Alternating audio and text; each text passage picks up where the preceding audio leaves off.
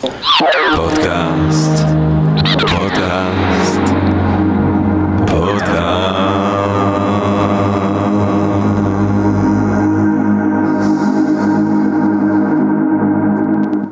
טוב, גבירותיי ורבותיי, ברוכות וברוכים הבאים לפודקאסט של Think and Ring Different, אני ג'רמי פוגל ואנחנו רוצים קודם כל להודות, האמת היא הפעם אנחנו לא רוצים להודות, אנחנו עדיין לא רוצים שוב להודות אה, לאולפן הרגיל שלנו, אנחנו ממשיכים אה, לעבוד בתנאי אה, פנדמיה ואנחנו מקליטים הפעם אה, בזום, אה, כל החיים שלנו הפכו להיות, אה, זומיים אז אה, גם אנחנו, אה, אבל הנה כי אנחנו בהתאם לזאת, אנחנו אה, עדיין מאוד שמחים אה, אה, אה, לחזור ולשדר את הפודקאסט השבועי שלנו.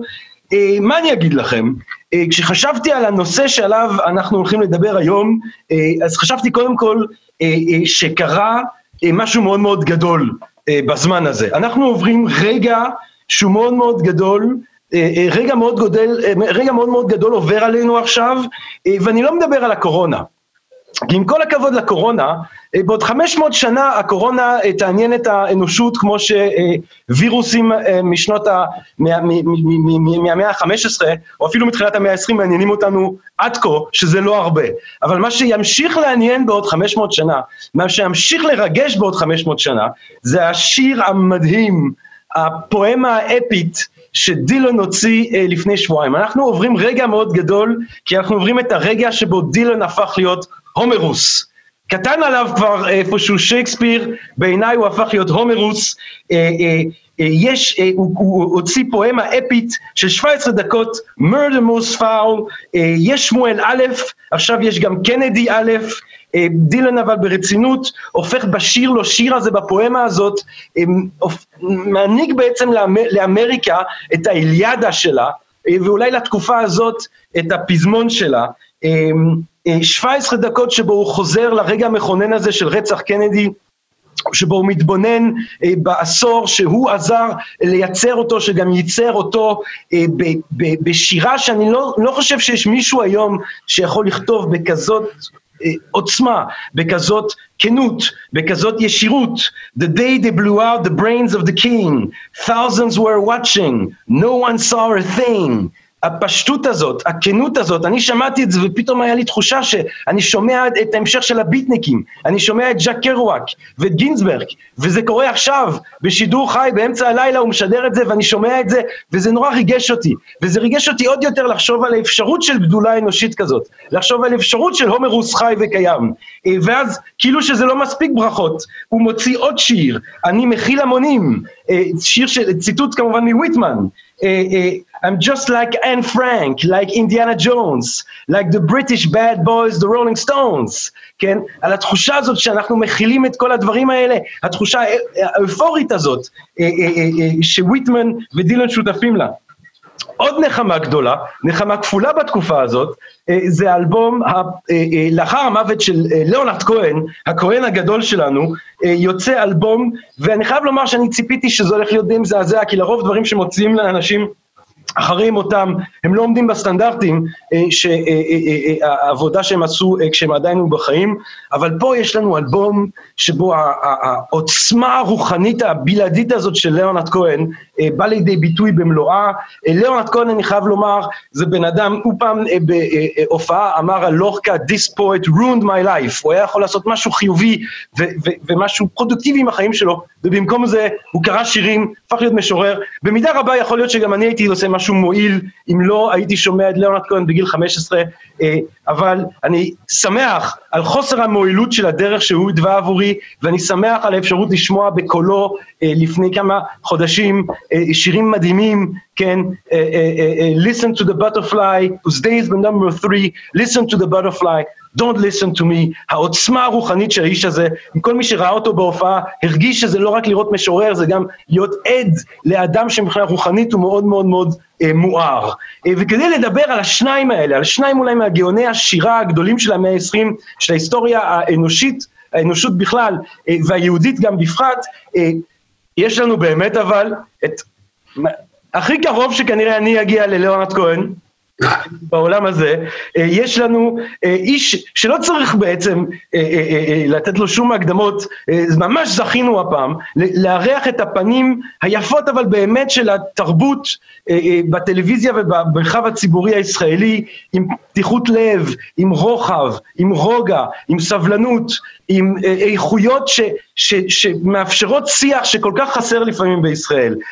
כולנו זוכרים אותו עוד מהתוכניות הסאטירה בתחילת הדרך, העולם הערב, אה, וכמובן מתוכניות התרבות המשפיעות, החוצה ישראל, כרגע סוכן תרבות בכאן, הוא כמובן גם אה, מתרגם בין השאר תרגומי מופתים, מופתיים התרגומים של ליאונרד כהן, ספר הכמיהה והשירים, הוא גם בעצמו כתב ספר ילדים, בית חרושת לשירים, על ילדה שמגיעה למקום שממנו כל השירים באים, מקום שמן הסתם אולי הוא ה-Tower of Song של ליאונרד כהן, שבו שני הגיבורים שלנו היום גם דילן וגם כהן שוהים.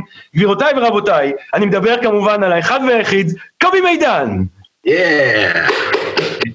אהלן, וואו, איזו הקדמה. אז הנה לנו, קובי, קובי, קובי, קובי. בוא כן. תתלהב איתי, בוא תתלהב איתי ובוא תסביר לנו, אה, אולי נתחיל מנקודה כזאת. מה בעצם מייחד ומאחד אותם? איך זה שדילן וכהן באמת הרבה פעמים הם באים ביחד, באיזה משפט אחד? מה, מה הופך אותם ל, ל, ל, ל, לאיזשהו זוג דיאלקטי כזה פיוטי אה, מעניין. בדיוק אמרת את המילה, זה זוג דיאלקטי. ואני אתחיל, אם, אם, אם תרשה לי, אני אתחיל בסיפור קטן, שיש עליהם הרבה סיפורים על שניהם, על כל אחד לחוד ועל שניהם ביחד. הם הרי היו חברים טובים. אה, כמו שיוצרים בסדר גודל הזה יכולים להיות חברים טובים. אני לא יודע כמה, כי אני לא, אף פעם לא הייתי כזה, אבל יש הרבה סיפורים שמעידים על כך. אז אה, יש סיפור על כך ש... אמ, אתה יודע, כש... כש אמ, כשהתפרסמה העובדה ש, שדילן עומד לזכות בפרס נובל לשירה, אז היו המון ויכוחים, אתה זוכר? אה, שהיו ויכוחים די מעניינים, אני חייב להגיד. חלק אמרו, הרי דילן עצמו אומר שאין טעם לקרוא את השירים שלו בלי מוזיקה. ולכן זאת אינה שירה, אלא טקסטים של מוזיקה. אז למה אתם נותנים לו פרס נובל לשירה? וחלק אמרו שזו הייתה טענה יותר מעניינת, הרי השירה זה מקום כל כך נידח. אז עד שיש אפשרות להפנות זרקור לאיזה משורר, אז, אז דילן צריך את זה, יש לו כבר הכל. ואז איזה מישהו ניגש לנורד כהן ושאל אותו, מה דעתך? ואני מתאר לעצמי שהעיתונאי ששאל את ליאונרד כהן, גם בלב שלו חשב אולי כהן מקנא קצת, נכון? אז בואו נראה איך הוא מתמודד עם זה. אז כהן, הוא אמר, אמר כהן, מה דעתך על הענקת פרס נובל לשירה לדילן? ואז כהן שתק רגע וחייך ואמר, אני חושב שזה רעיון מצוין. אני חושב שלתת לו פרס נובל לשירה זה כמו ללכת להר האברסט ולהצמיד לו מדליה על כך שהוא ההר הכי גבוה בעולם. את זה דילן לא היה אומר על כהן. Mm. אתן לך דוגמה מסיפור אחר. יש סיפור ששניהם נוסעים באוטו ודילן נוהג. אתה מכיר את זה? Mm. ואז הם שומעים רדיו. אתה יודע, מה עושים בנסיעה ארוכה? ואז במקרה רוצה הגורל, וברדיו משדרים שיר של כהן. והשדר אומר, רבותיי ורבותיי, זה אלונות כהן, בוודאי אחד מחמשת כותבי השירים הגדולים של ימינו. והם ממשיכים לנסוע. ואחרי זה דקה, דילן אומר לכהן, אחד מחמשת? אתה מספר אחד. ממשיכים לנסוע. אחרי דקה, כהן אומר לדילן, תגיד, ואם אני מספר אחד, מי אתה? לו, אני אפס. אז בין האפס לאחד, יש את כל ההבדל שבעולם, כמו שיודע כל מי שעוסק במחשבים או בפילוסופיה, אבל יש גם את הקשר של האפס והאחד. ואני חושב במובן מסוים שדילן הוא האפס וכהן הוא האחד. Mm. לא סתם, אה, כאשר אה, ניגש מי שניגש לעשות סרט אה, על חייו של דילן, אז הוא לקח חמישה או שישה שחקנים שונים. Mm. ולא סתם הביוגרפיה שלו היא שש ביוגרפיות שונות, ולא סתם הוא המציא את עצמו כל פעם מחדש, גם מוזיקלית, גם ביוגרפית, גם היסטורית, גם דתית. Mm. בעוד שאצל כהן הסיפור הוא אחר.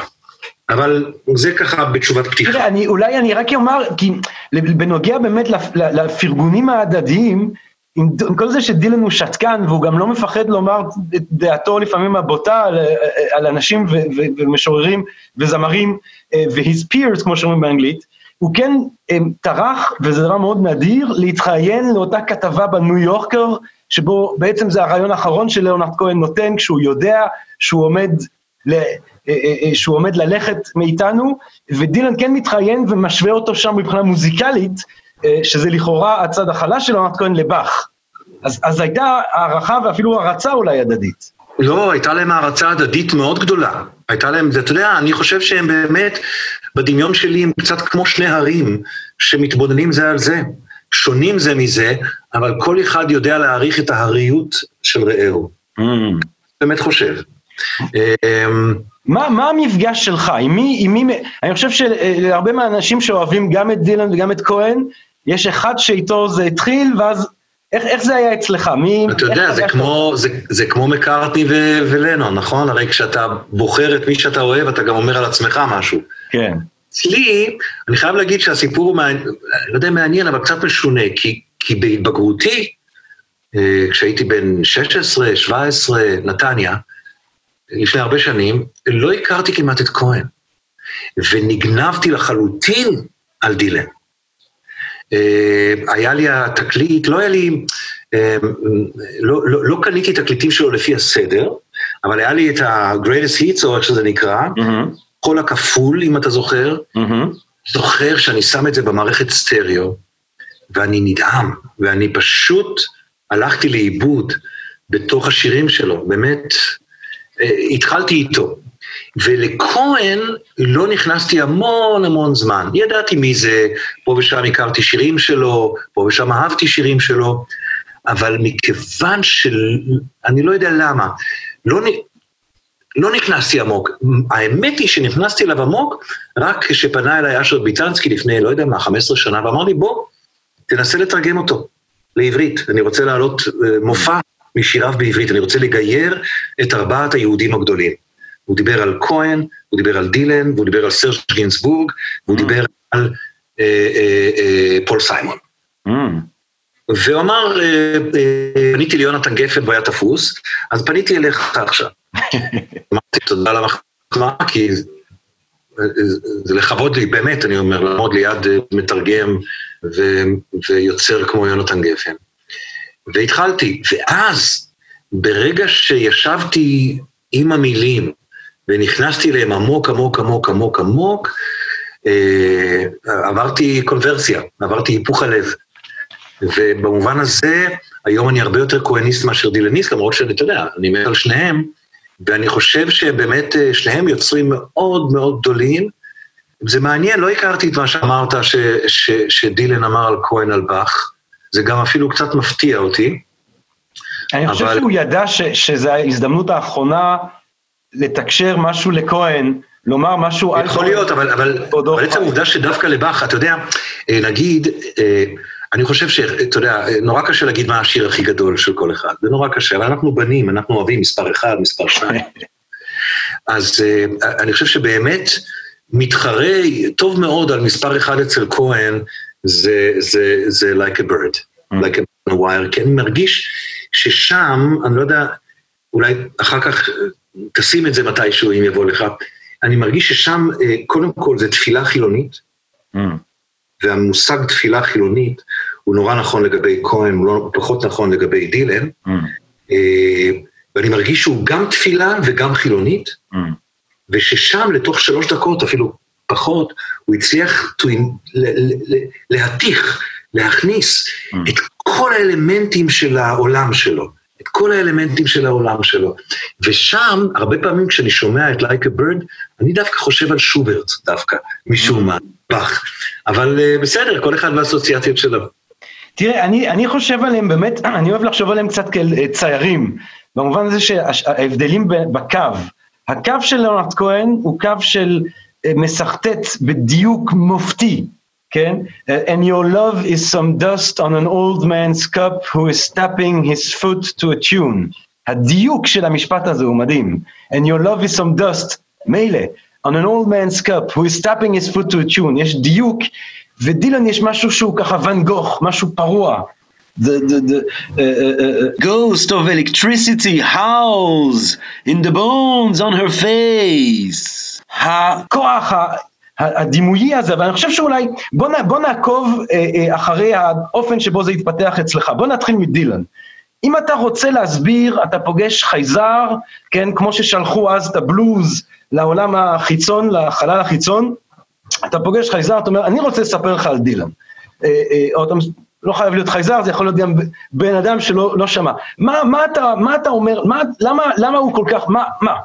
אני יודע שזה קצת חילול הקודש לבקש לתאר את הדברים. לא, לא, זה לא חילול הקודש, זה פשוט הייתי רוצה שזה לא יהיה חייזר, אלא מישהו שקצת יודע על אמריקה, שקצת יודע על תרבות אמריקאית, שקצת יודע על מה שהתרבות האמריקאית לקחה מהתרבות האירופית והמציאה מחדש בארצות הברית, ורק, כי לטעמי, רק ברגע שאתה יודע, לא רק, אבל ברגע שאתה יודע את זה, אתה מבין את הגדולה שלו.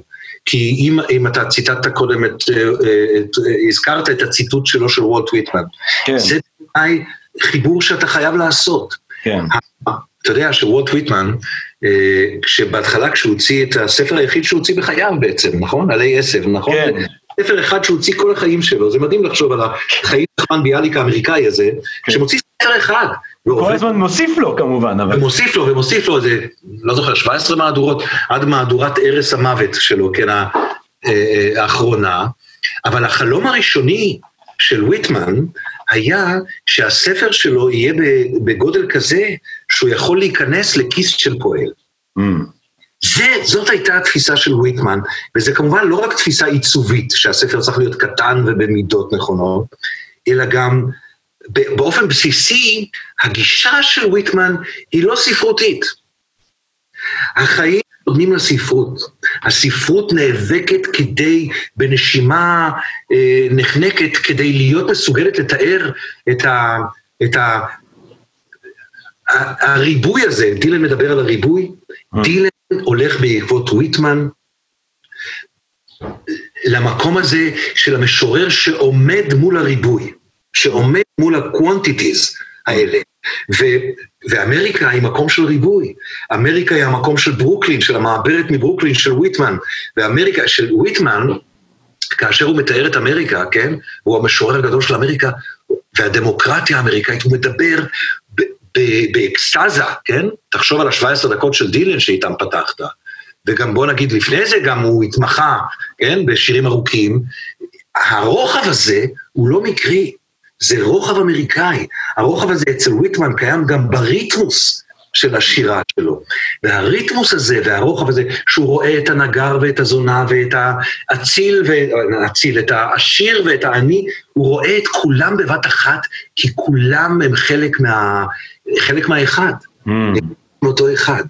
זה בעיניי חלק מהמאפיין של, של דילן, אה, כיוצר אמריקאי. הוא מתייחס אל העוצמה האמריקאי, אל הריבוי האמריקאי ואל האחדות שבתוך הריבוי הזה. ובתוך המקום הזה הוא גם פרולטרי. הוא גם מדבר, ב, הוא גם רוצה שה, שהספר שלו, או במקרה שלו התקליט או הדיסק, כן. יוכל להיכנס לכיס של כל פועל. הוא גם אמר ב-Love and Theft, I'm a union man באיזשהו שלב הוא שם. בדיוק, ולכן לא רק הוא מתחיל את הדרך שלו בעקבות אה, זמרי הפולק וזמרי המחאה, והזמרים ששרים את השירים של השחורים ושל הפועלים. וודי גות'רי כמובן, שהוא הולך לבקר אותו, בוודאי, נוסע לבית חולים שלו וכל זה. גם במובן של המילים, הגובה של השפה, אה? המשלב השפתי הוא משלב פשוט. זה דבר ועוד דבר ועוד דבר, וכל דבר, תחשוב על השירים הגדולים שלו, אני לא, לא אסתבך עכשיו בהגייה האנגלית שלי, כמה הריבוי הזה הוא של, הוא מין שירה קטלוגית ואקסטטית כזאת, ובמובן הזה הוא ויטמן. כן. ולכן אגב, כל בלתי אפשרי לתרגם את דילן. דווקא בגלל שהמשלב שלו הוא דיבורי, נורא נורא קשה לדבר, לדבר אותו. כן. כמו באמת המשפט הזה, אה, כמו המשפט הזה מתוך אה, murder most foul, אה, האמריקאיות של המשפט הזה, the day they blew out the brains of the king, thousands were watching, no one saw a thing, blew out the brains. האמריקאיות העמוקה, זה כאילו נשמע כמו איזה כביש, כמו איזה אוטו על כביש, באמת קשה לתפוס את זה בשפה אחרת. וזה חלק בעיניי, שוב, אני לא, אתה יודע, אני... אני בחור שפגש את שני החבר'ה האלה ובילה איתם איזה זמן. אין לי... לא, לא, לא, לא בדקתי את זה בצורה מחקרית או עמוקה יותר מדי לאורך השנים, אבל זה, זה באמת האינטואיציה והתחושה שלי. Uh, הדיבור שלו קשור לתרבות האמריקאית גם בעוד מובן. הגרסה האמריקאית של, של, של פרולטריות היא לא מרקסיסטית, כמובן, היא קלוויניסטית, היא פרוטסטנטית. הגרסה האמריקאית של השווה לכל נפש היא גרסה של value for money. Mm. אני פה לוקח את הזמן שלך, מחובתי לתת לך תמורה. Mm. ומחובתי לתת לך תמורה שתוכל להשתמש בה, שהיא תהיה לך שווה, לא להתנשא עליך. אני צריך לדבר איתך בגובה העיניים ולתת לך ככל שאני יכול לתת, כי זה החוזה בינינו. Mm. ובמובן הזה, אה, דילן, שהוא אגב, אתה יודע, אם, אם אתה קורא את הביוגרפיה שלו, כן, את הקרוניקלס, ש, אה, שהיא בעצם לא ביוגרפיה. כן. היא כמה פרקים מתוך הביוגרפיה, זה, זה דילן קלאסי, כן? כן. חלק נכבד מהפרקים הוא פשוט עושה טריביוט, עושה מחווה למוזיקאים שקדמו לו. כן. לאנשים שעבדו קודם באותו שדה. כל בעלי המלאכה שהיו לפניו בשדה. ואני לא סתם משתמש בדימויים האלה. של השדה. כהן, אה, לא שאלת עכשיו עליו, אבל אני כבר, אתה יודע, אני זורק את זה, הוא הרבה יותר ספרותי, הוא הרבה יותר מעודן, mm. הוא הרבה המשלב הלשוני שלו יותר גבוה, הכלים הספרותיים שלו הם יותר מעודנים, ולכן יותר קל לתרגם אותו. Mm. מעניין. תראה, אני, אני באמת אולי, הקרוניקל זה מקום מעניין, אם אנחנו חושבים ככה על דילן, אתה יודע, אנחנו יכולים, יש לנו את הזכות הזאת להסתכל על, על 60, אולי עוד מעט 70 שנה של, של פעילות, אה, שהאיש הוא בקדמת הבמה הציבורית כל השנים, ויש אותו מלכתחילה, יש איזה מסתורין אותו, יש איזה משהו שאי אפשר לתפוס, שאי אפשר אה, להכיל. אה, והקרוניקלס הזה, שזה כאילו אמור להיות אוטוביוגרפיה, רק בעצם מגביר את המסתורין. אני, אחד מהדברים שנורא התלהבתי כשקראתי, זה שיש, אני חושב, שניים, שלוש עמודים שלמים, שהוא מתאר את הנוף מאיזה חלון בניו יורק, שהוא יושן שם אצל חברים, והוא מסתכל מהחלון, והוא מתאר את הנוף באופן פיוטי מדהים, וזה מקבל שלוש עמודים. ועל אשתו יש משפט אחד שהוא משפט מדהים, שיש בו את כל האהבה שיש לו כלפי האישה הזאת שהוא בילה, שהוא היה איתה ובנה איתה משפחה, אבל על זה הוא ייתן משפט. הוא ייתן שלוש עמודים על איזה רגע אחד, והוא ייתן משפט על רגעים, ו- ויש איזו מסתוריות איתו. למה אנחנו לא מצליחים לתפוס? למה אנחנו, איך הוא מצליח תמיד לשמור אותנו צמאים לעוד? אני, אני, אני, א', אני לא יודע, אני יכול לתת לך מחשבות שלי, אה, לא תשובה דפיניטיבית. אחד, תמיד כשאנחנו נוגעים, אני לא יודע עליך, אני, תמיד, למה אני מתרגם? כי זה הצ'אנס היחיד שלי, אה, הנדיר, לגעת בגדולה, לבלות באופן אינטימי זמן ארוך עם גדולה. אה, ויש בזה משהו מתסכל, מכיוון שתמיד יש משהו by definition, בעצם ההגדרה, מתוך ההגדרה בגדולה, משהו שהוא חמקני. אני קצת יותר מבוגר ממך, אפילו אפשר להגיד הרבה יותר מבוגר ממך, אני עוד גדלתי, אני שייך לדור שגדל על ספר שנקרא זן ואומנות החזקת האופנוע, mm. פירסינג. ושם השאלה שמוציאה את הגיבור מדעתו, אם להתייחס לעניינים הפילוסופיים ולא לעניינים הקליניים, הפסיכיאטריים, השאלה שמוציאה אותו מדעתו זה חוסר היכולת לנסח את הגדולה. חוסר היכולת להסביר או לקבוע כללים איפה נמצאת האיכות. Mm. כן? מה מבדיל בין האיכותי, בין הגדול לבין הלא. הוא רוצה לקבוע מסמרות, מכיוון שהוא שייך לכנסיית השכל. אז משהו בעצם המושג של גדולה, הוא חומק מההגדרות שלי כבן אדם שחף מגדולה. אז זה דבר אחד. והדבר השני, הוא שדילן עובד בזה. לי אגב יש השערה למה הוא עובד בזה, mm. אבל הוא עובד בלהיות במסכות. זה לא סתם... אקטן אנונימוס. מה? מאסט אנ אנונימוס, הוא קרא לסרט. בוודאי, בוודאי. הוא, תכף אני, אם תרצה אני אגיד לך מה ההשערה שלי, שהיא השערה של פסיכולוגיה בניקל בערך, אבל בכל אופן השערה ש, שאני אוהב ללכת איתה בדרך. אבל הוא באמת, תסתכל כמה הוא כל הזמן, ברגע ש... ברגע ששמים אותו באיזה מקום, ברגע שהוא מרגיש ששמים אותו באיזה מקום, ישר הוא הודיני, ישר הוא משתחרר, ישר הוא מופיע בדמות אחרת. אם זה The Voice of a Generation, אז הוא תוך שנייה לא יהיה ה-voice, הוא מגיע ב-65 למסיבת עיתונאים בסן פרנסיסקו, ושואלים אותו, "אה, Mister דילן, יש הלילה לא רחוק מהמלון שלך הפגנה נגד המלחמה. אז הוא אומר, I'll be busy tonight. Because אני, אני, לא קול של, אני לא קול של אף אחד, זה- לא... שזה מה שהוא גם ענה לנובל כשביקשו שהוא יבוא לקבל... נכון, בדיוק, בדיוק, הוא עשה self reference גם. I'll be busy, אני, כן, אני... הוא באמת, אתה יודע, האיש מופיע מאה פעם בשנה עד היום. שזה אחד מהדברים הדרמטיים של הקורונה, זה שמאז 1988, זאת אומרת, ש- אה, 20 פלוס אה, אה, אה, 32 שנה הוא בטור, ועכשיו, אחרי 32 שנה הוא, הוא, הוא, הוא, הוא לא בטור. זה, פעם ראשונה. כן, עכשיו, איך הדברים קשורים? תראה, קודם כל, אני חושב שהעניין של הטורים הבלתי נגמרים, אגב, גם המאוד מעוררים מחלוקת, כן? איכות ההופעה שלו, אם נדב, להתבטא ב, בעדינות, היא מאוד מעוררת מחלוקת.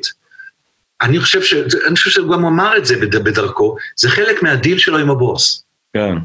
זה חלק מההסכם שלו עם, ה, עם הבורא, ובסוף הוא גם אדם מאוד דתי בעיניי. כן. אבל, אבל, אבל, אבל איך הדברים קשורים? הם קשורים מכיוון, אתה יודע, הוא סיפר פעם, באיזה ראיון מאוד יפה, אה, מאוד יפה, הוא סיפר, תשמע, אני הולך ברחוב, ואני מציץ מהרחוב לתוך פאב, או בר או משהו, לא משנה. ואני רואה חבר'ה צעירים, בחורים, בחורות, יושבים, מתחילים, מתחילות, יש שיחות, יש חיים, יש עולם. אני נכנס פנימה, הכל קופא, כי דילן הגיע. כי דילן הגיע. במובן הזה יש לו, אתה מבין, שיש לו מין מגע מידס עם כן. המציאות. בכל דבר שהוא נוגע בו, הופך לזהב. אבל אתה לא יכול לשתות זהב, אתה לא יכול לאכול זהב, ובעיקר כשאתה דילן, אתה לא יכול לכתוב זהב. וכאן אני מגיע לנקודה שלי, בתחושה שלי, כשאתה דילן, זאת ההשערה שלך, זאת ההשערה שדיברת עליה מקודם. בדיוק, בדיוק. בתחושה שלי, כשאתה דילן ואתה גדל בעיירה הקטנה במינסוטה, אתה יודע שאתה דילן. אתה יודע שעם הכבוד מגיעה גם אחריות. אתה יודע שאתה צריך לאפשר לדילן, אפילו שעדיין קוראים לך צימרמן, אתה יודע שאתה צריך לאפשר לו תנאי יצירה, כי זה הדבר החשוב היחיד. עכשיו, איך אתה תכתוב את החיים אם לכל מקום שאתה נכנס אליו, העולם כופה? אתה לא קים קרדשיאן, אתה דילן. ולכן אני חושב, לכן הוא כל פעם מתחמק וממציא את עצמו מחדש, כדי לשמר לעצמו סוג של חופש תנועה, לאתגר את עצמו ו- ולאתגר אפילו את המקום היצירתי שלו. זה ההסבר שלי, אני מודה שהוא קצת איטי, אבל זה מאוד. שלי. אני גם, אה, אה, אני תמיד מרגיש עם דילן, יש את הרוחניות העמוקה באמת, הדתיות, האמונה הזאת, הנוכחות של האל אה, בשירים שלו, ויש לו גם איזה משהו טאואיסטי, שגם אתה רואה בהתנהגות הבין אישית לפי הסיפורים, הוא יכול, מישהו יכול לשאול אותו שאלה והוא לא עונה. יש איזה אי עשייה, אי מאמץ כזה, אבל אם אנחנו מדברים עליו בתוך מסורות, הרבה פעמים קורה אגב בגלל שהוא מסטול מדי, אבל לא בסדר, אני איתך, כן. כן. לזה אני יכול דווקא להתחבר בבינוניות שלי. אה, אה. אה, אה, אנחנו מדברים עליו, דיב- דיברת עליו כיוצר אמריקאי, מה, אמרת זימרמן, תדבר איתנו על דילן כיוצר יהודי, איך, מה, איפה זה מת- מתיישב? אה, בעיניי, פחות. בעיניי פחות. אה, אתה יודע, כל דבר יכול להתחבר לכל דבר, אבל אם אתה רוצה לדבר על הדברים החשובים, בעיניי הוא אה, נצר של מהגרים במובן הכי עמוק שאתה רוצה להיות יותר אמריקאי מאמריקאי. אתה לא תוריד את המגפי קאובוי שלך, אפילו שקנית אותם בחנות הקטנה ליד הבית, ולא נדדת איתם למערב. בעיניי הוא קודם כל מתייחס בצורה שאין כמותה להוויה האמריקאית הכללית, להוויה המידווסטית האמריקאית ולהוויה הניו יורקית האמריקאית ולהוויה ה upstate ניו יורקית האמריקאית ולכל מה שתרצה. אה, אה, אה, ואני, למרות התקופה החבדניקית שלו, ואתה יודע מה, אפילו בתנוקה, בתקופה הנוצרית שלו, אני חושב שהדברים הכי דתיים שלו נוצרים כשהוא לא מתייחס, כשהוא לא מנסה במודע לייצר טקסטים דתיים. כן. ו, ובמובן הזה, הוא גם פעם אמר שהדתיות שלו זה הדתיות של, של השיר, של הנק וויליאמס, של, של, של, של השירים הפשוטים המוזרים האלה על אלוהים, אה, שהוא גדל עליהם. הארי סמית, אנתולוגי אוף פולק, הוא פעם דיבר על, על זקל, ה- ה- ה- ה- ה- ה- נכון, הוא גם אמר, לאורך השנים הוא גם אמר כל מיני דברים שונים על זה כמובן. אחד הרעיונות האחרונים שלו שאני מכיר, שהוא מדבר על הנושא הזה, הוא מדבר על כך שהוא, אחרי שהוא עבר הכל, כן? ואחרי שהוא יושב בחדר במלון איפשהו, וממש מרגיש את הנוכחות של ישו, אתה זוכר את הקטע הזה? כן. לפני שהוא נכנס לשלושה התקליטים הנוצריים שלו, כן? Slow Train Coming וכל אלה, הוא, הוא פשוט חווה את הנוכחות של ישו, ואתה צודק. כי כשהוא מתאר את הנוכחות של ישו בחדר במלון, הוא מתאר את זה במילים מאוד דומות לנוכחות שהוא מתאר, אתה יודע, אה, אה, מה שמו ההוא שנהרג בתאונת אה, בודי? הולי, כן, ה- ה- האפיפניה הרי כשהוא של לאופ... הולי. כשהוא בן 17, אה, במינסוטה, באדי הולי שם עובר בסביבה. ובאדי הולי הוא התקווה הלבנה הגדולה, או התקווה הגדולה של הרוקנרול. ודילן הולך להופעה, והוא מתאר שבתוך ההופעה, הוא עומד שם שני מטר מהבמה, באדי הולי מסתכל לו בעיניים, הוא מרגיש צמרמורת בכל הגוף, הוא מרגיש שבאדי הולי מנסה להעביר לו משהו, והוא לא יודע מה, ואחרי שלושה ימים באדי הולי נהרג בתאונת מטוס, ואז הוא מבין מה הוא העביר לו, הוא העביר לו את השרביט. ואני חושב שלא במקרה, המילים האלה שהוא מתאר את ההתגלות או את הנוכחות של באדי הולי, מאוד דומות למילים, כמו שאתה אומר, שהוא מתאר את הנוכחות של ישו באותו חדר מלון 40 או 50 שנה אחר כך, או 30 או 40 שנה אחר כך, אם לדייק יותר. אני חושב שהאלוהים שלו זה קודם כל מוזיקה, דבר ראשון, והמסורת שלו היא קודם כל המסורת של עושי המוזיקה, של יצרני, של פועלי המוזיקה, ואני חושב שהדתיות, הרוחניות האמיתית שלו היא הרוחניות של הפועל, היא הרוחני- הרוחניות של המעשה, לא של ההגות, לא של הרגש אפילו, אלא של ההלכה, אם תרצה, של העשייה. בעוד שכהן זה סיפור אחר לגמרי. עכשיו, אני רוצה, לפני באמת שנעבור לדבר על כהן, אתה יודע, הפעם הראשונה שזכיתי לראות את אה, דילן זה היה בסטרלינג, בסקוטלנד, העיר של אה, ויליאם וואלאס. אה, אז הוא הופיע שם באיזה ארמון, ואני כמובן סחבתי את החברים שלי, חייתי אז באנגליה, סחבתי אותם לסקוטלנד, דאגתי כזה, כמו משוגע להיות. שם חמש שעות לפני הזמן, ואנחנו מחכים בתור, ופתאום אני מסתכל לידי, ממש שעתיים שלוש לפני הזמן של ההופעה, ויש איזה בן אדם קטן, קצת בהתחלה זה עצבן אותי שהוא לא עומד בתור כמו כולם, ואז אתה רואה שיש לו כובע קובוי ענק והליכת צ'רלי צ'פלינית מוזרה, וככה מטייל לו מהעיר העתיקה הזאת לארמון לידינו, דילן, עם ראש דיספרופורציונלי, ראש גדול באופן, איש קטן עם ראש ענק, הליכה משונה, וכאילו היה לי תחושה שהוא הולך בקצב אחר. רגע, אתה מספר לי שהוא, שהוא בא לראות את הקהל לפני ההופעה? לא, הוא פשוט, אה, בגלל שזה היה בארמון ואני הייתי שם שעות לפני, אז הוא פשוט טייל אהה. כנראה קצת בעיר ונכנס. אה, ואתה רואה את האיש הזה, בשר ודם, בסוף, אשכרה, אני רואה אותו כמה מטרים ממני, ו... ו אה, אה, ומצד אחד הוא בתוך ההיסטוריה, הוא בתוך הגוף, מצד שני, אנחנו כבר משווים אותו לשייקספיר, ואני באמת, אני אומר לך את האמת, אני לא צחקתי אה, כשהשוויתי אותו להומרוס בתחילת אה, דבריי. מבחינתי, לשמוע את האפשרות של לעשות ב-17 דקות את murder most foul, זה עונה לשאלה ההיסטורית, האם היה הומרוס. כי אז אתה אומר, ככה זה היה, זה מה אני שזה אגב, היה איליאדה. אני נורא מסכים איתך, ואני חושב שהאנלוגיה להומרוס היא יותר מדויקת מהאנלוגיה לשייקספיר. נכון, כי שייקספיר לא... כיוון. שאנחנו מדברים על שירה שבעל פה. אנחנו מדברים על שירת האדם הפשוט. עם כל המורכבויות שיש, אנחנו יודעים אותן, אבל, אבל בבסיס זה שירה שאם האדם הפשוט לא יתחבר אליה, האדם הפשוט, לא ההומרוס ולא השייקספיר, לא יתחבר אליה, אין לה זכות קיום. ואין לה זכות קיום, אתה יודע, דילן, הנה, הנה אתן לך עוד בסיס לאנלוגיה היפה שעשית עכשיו. או אפילו שניים עולים לי. אחד, בתקופה שלפני האינטרנט, אתה זוכר, הייתה תקופה כזאת. דילן, הבן אלף, הוא לא פרסם את המילים של, הוא לא הדפיס את המילים של השירים שלו על התקליטים. לא על גב התקליט, ולא באיזה מין דף כזה שמצרפים. עכשיו, מה זה לשמוע את דילן בלי להבין את המילים, ומה זה להבין את דילן עם כל האינפוף שלו? בקיצור, אתה כן, בחור נתניאתי, שלושת רבעי מהמילים לא מבין. ובכוונה, זה צריך להיות שירה שבעל פה. אגב, והדבר השני שרציתי להגיד לך, נדמה לי שבנאום, אותו נאום שהוא הקליט לזכייה שלו בפרס נובל, אתה זוכר? שגם כן. גם סביבו הייתה שערורייה, כי התברר שהוא, שהוא אה, חלק מהדברים גנב מאיזה אתר שמכינים תלמידים לבגרות. זה שהוא קיבל, זה שהוא הוא, הוא עושה נאום לנובל והוא מעתיק לילה לפני. זה גדול, זה גדול. מאתר אינטרנט כמו תיכוניסט, זה... זה גדול, זה גדול. זה גדול. אבל נדמה לי שאחד, הוא- אני זוכר שם את, אה, את, אה, את מובי דיק, נכון. אני זוכרת במערב עם קול חדש, ונדמה לי שגם אחד מהם היה אה, האודיסאי. נכון, אני לא חשבתי על זה, אבל עכשיו שאתה... אה? תפסתי אותך. עכשיו, כן. אז, איפה אתה ממקם אותו? כי אמרתי היסטורי וא-היסטורי, אז אנחנו, אתה יודע, אנחנו עוקבים אחריו ככה בשנים, אבל אם אנחנו מסתכלים שנייה באופן רחב יותר, איפה, איזה סוג של מקום אתה רואה אותו תופס בפנתיאון האנושי? או, אחד מגדולי הגדולים.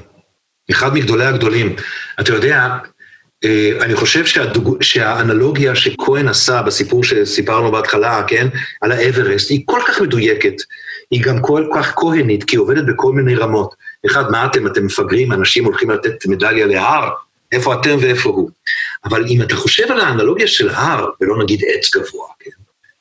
הר זה דבר שאם אתה רוצה נגיד ככה, הנוף שאתה רואה תלוי בכיוון שאתה מגיע ממנו. הנוף שאתה רואה הוא כל כך מגוון, הוא כל כך משתנה. אני חושב שעוד 50 ו-60 שנה, אחת, ה, אחת הפליאות הגדולות שתהיה כשאנשים יביטו ביצירה הזאת של דילן, תהיה מהעוצמה שלה, מהריבוי שלה, מהגיוון שלה, מהבלתי נפסקות שלה. זה כאילו איזה, אתה יודע, היה סיפור על באך, כן? הוא, הוא דיבר על באך, עכשיו אני מדבר על באך. שאחרי מותו, הרבה אחרי מותו, כי כשהוא מת, הוא מת די שכוח. אבל אחרי, אחרי, הרבה אחרי מותו ישבו, אחרי שמנדלסון גילה אותו מחדש, אז הושיבו ועדה שתעשה העתקה של התווים שלו, של כל היצירות שלו, כדי לשמור את זה לנצח. והם הגיעו למסקנה ששלושה אנשים, אני מדבר מהזיכרון, לא בטוח שאני מדייק בפרטים, אבל רוח הדברים נכונה, שלושה אנשים צריכים לשבת יום ולילה, 30 או 40 שנה, רק כדי להעתיק את כל מה שהוא כתב.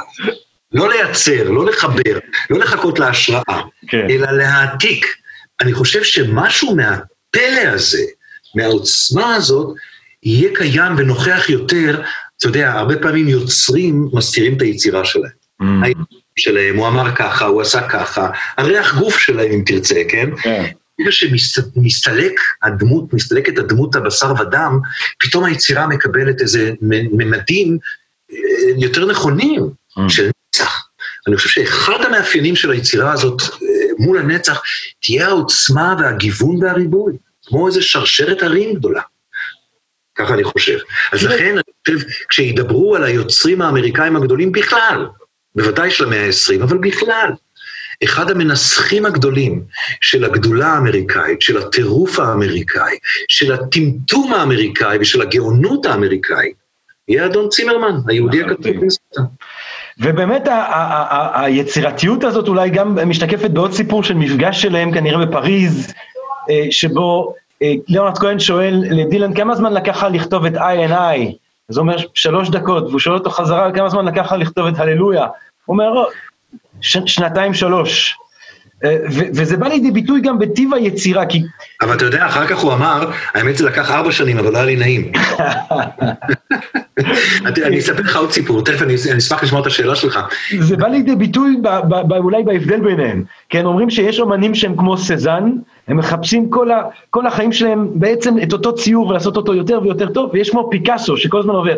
אז יש את דילן הפיקאסו שכל הזמן עובר, ויש ליאונרד כהן, שאני רוצה לעבור אליו עכשיו עם השקדנות הזאת, עם הדיסציפלינה, עם הדיסציפלינה הפיוטית הזאת שלו, מה, מה היא אם אתה עכשיו פוגש את אותו בחור מקודם, והוא יודע קצת אולי על אמריקה, אה, אה, אבל הוא לא, לא שמע על ליאונרד כהן. איך אתה מסביר לו או לה, אה, אה, אה, מה, מה הגאונות, מה, מה הגדולה, מה, מה הזוהר? תרשה לי, לפני שאני עובר לדילן ולכהן, ואני אענה לך על זה, ככל שאני אוכל, עוד להגיד מילה אחת על, על דילן ו, ו, ועל כהן בהקשר הזה של היצירתיות, כי הוא חשוב בעיניי. יש סיפור נהדר, הרי דילן בתחילתו, כשהוא בן 20, 21, כן, והוא מגיע לניו יורק, יש לו שפע לא יאומן של יצירות מופת שהוא מוציא מהשרוול, אתה יודע, הוא בבית של חברים, הוא מדפיס על מכונת כתיבה, מוציא את הדף והולך ומופיע עם זה פעם ראשונה. ואז הוא באותה תקופה, באחד הראיונות, הוא אומר, אני עייף, אומרים לו, למה? הוא אומר, כי הלילה כתבתי חמישה שירים. אז אומרים לו, תגיד, איך אתה עושה את זה? הוא אומר, תקשיב, השירים שם, אם אני לא אקח אותם, מישהו אחר ייקח אותם. וכאן יש משהו מאוד עמוק על התפיסה שלו. תפיסה מאוד עמוק, בעוד שכהן, שיושב שלוש וארבע שנים על שיר, תמיד הוא אומר, אם הייתי יודע את הדרך למקום ששם השירים הטובים, הייתי הולך יותר.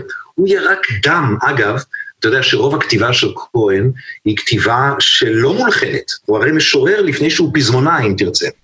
והוא טוען שהכתיבת שירה שלו, הפואמס שלו, הרבה יותר הייתה קלה לו מאשר כתיבת הסונגס שלו. Mm. בכתיבה של השירים הוא היה משקיע שנים ויורק דם, אה, ובמובן הזה, ההבדל ביניהם הוא עוד פעם של אפס ואחד איכשהו, אני מרגיש, אתה יודע? יש, לא משנה, יש המון דברים להגיד על זה, אבל נעבור... לא, לא, נו, אני... לא, אתה יודע, יש, יש אה, בשירה האנגלית של המאה ה-19 היה נהוג לתאר את, היוצר כאדם שיש לו אה, negative capability, כן?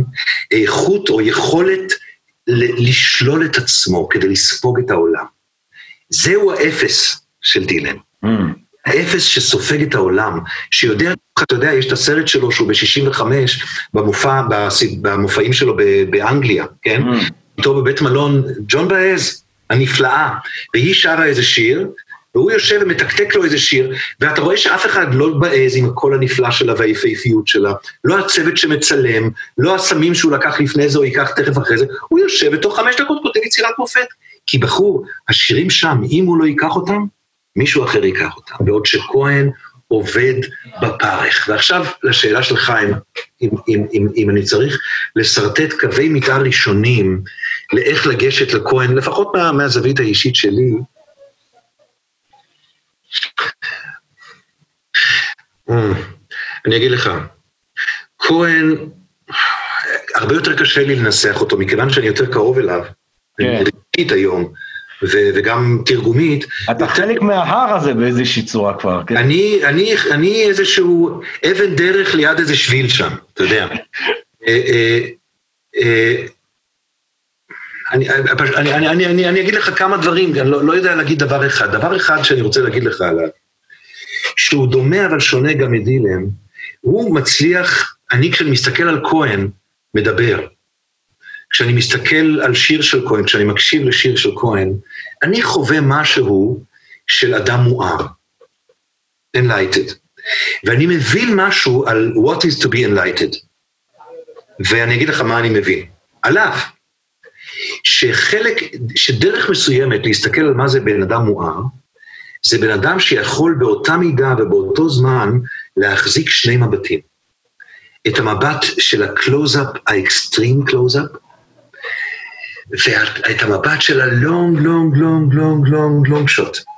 הוא יכול באותו זמן לראות את הנקבוביות בעור ואת הזיעה של אהובתו, ואת כמה הוא והיא קטנים בתוך כרך עצום בתוך העולם.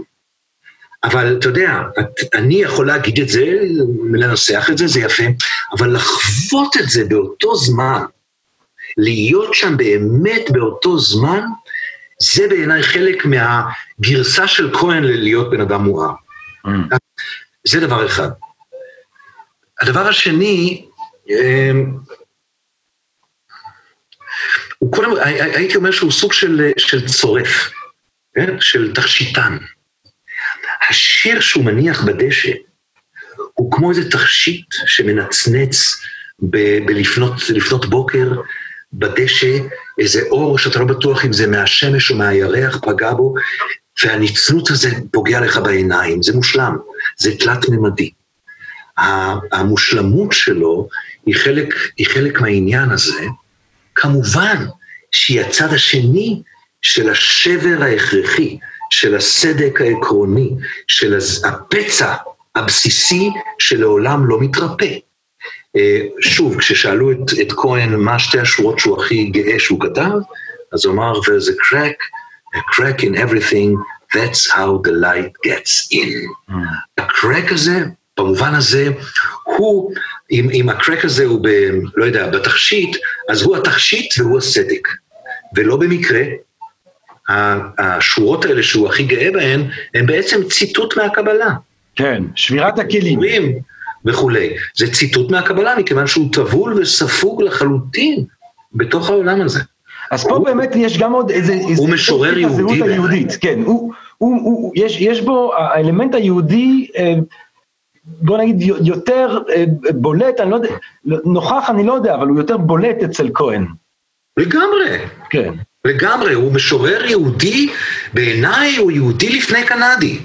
דילן אמריקאי הרבה לפני שהוא יהודי, וכהן, אתה יודע מה, אתה יודע, אה, אה, אה, הוא, הוא יליד מונטריאול. מונטריאול היא עיר מעניינת, מכיוון שכשאתה יהודי במונטריאול, אתה חלק מהמיעוט היהודי בתוך הרוב הקתולי, בתוך הרוב הפרוטסטנטי. זאת אומרת, המיעוט בתוך מיעוט זה מצב מאוד יהודי. כן. אתה כותב- מדבר אנגלית בעיר דוברת צרפתית. צרפתית, המדינה. ואתה, ההורים שלך, סבא וסבא שלך בכלל מדברים יידיש. זאת אומרת, זה בדיוק, אתה יודע, זה מזכיר לי קצת את קפקא, שהוא אה, חלק מהמיעוט היהודי דובר הגרמנית בפראג.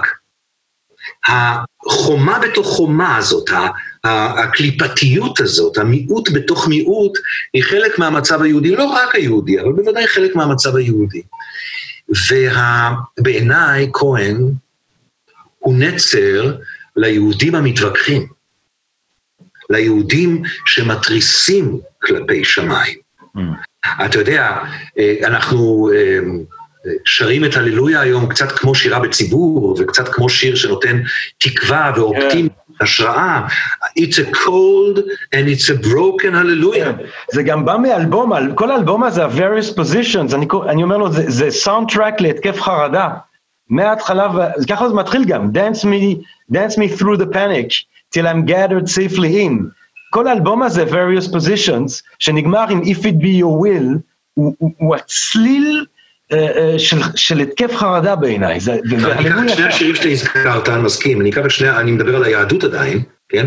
אתה יכול לה- להגיד שבהרבה מובנים היהדות של אלפיים שנות גלות היא תוצר של חרדה קיומית. כן, כן, אבל אם אני אקח את שני השירים שאתה הזכרת, את, את Dance Me, אתה יודע, הוא עצמו, אתה בטח יודע, דיבר על כך שהתמונה הזאת של הזוג שצועד מאוהב ליד הכנר שהכינור שלו burning, עולה באש, זה בעצם, ההשראה לזה זה מתזמורות המוות.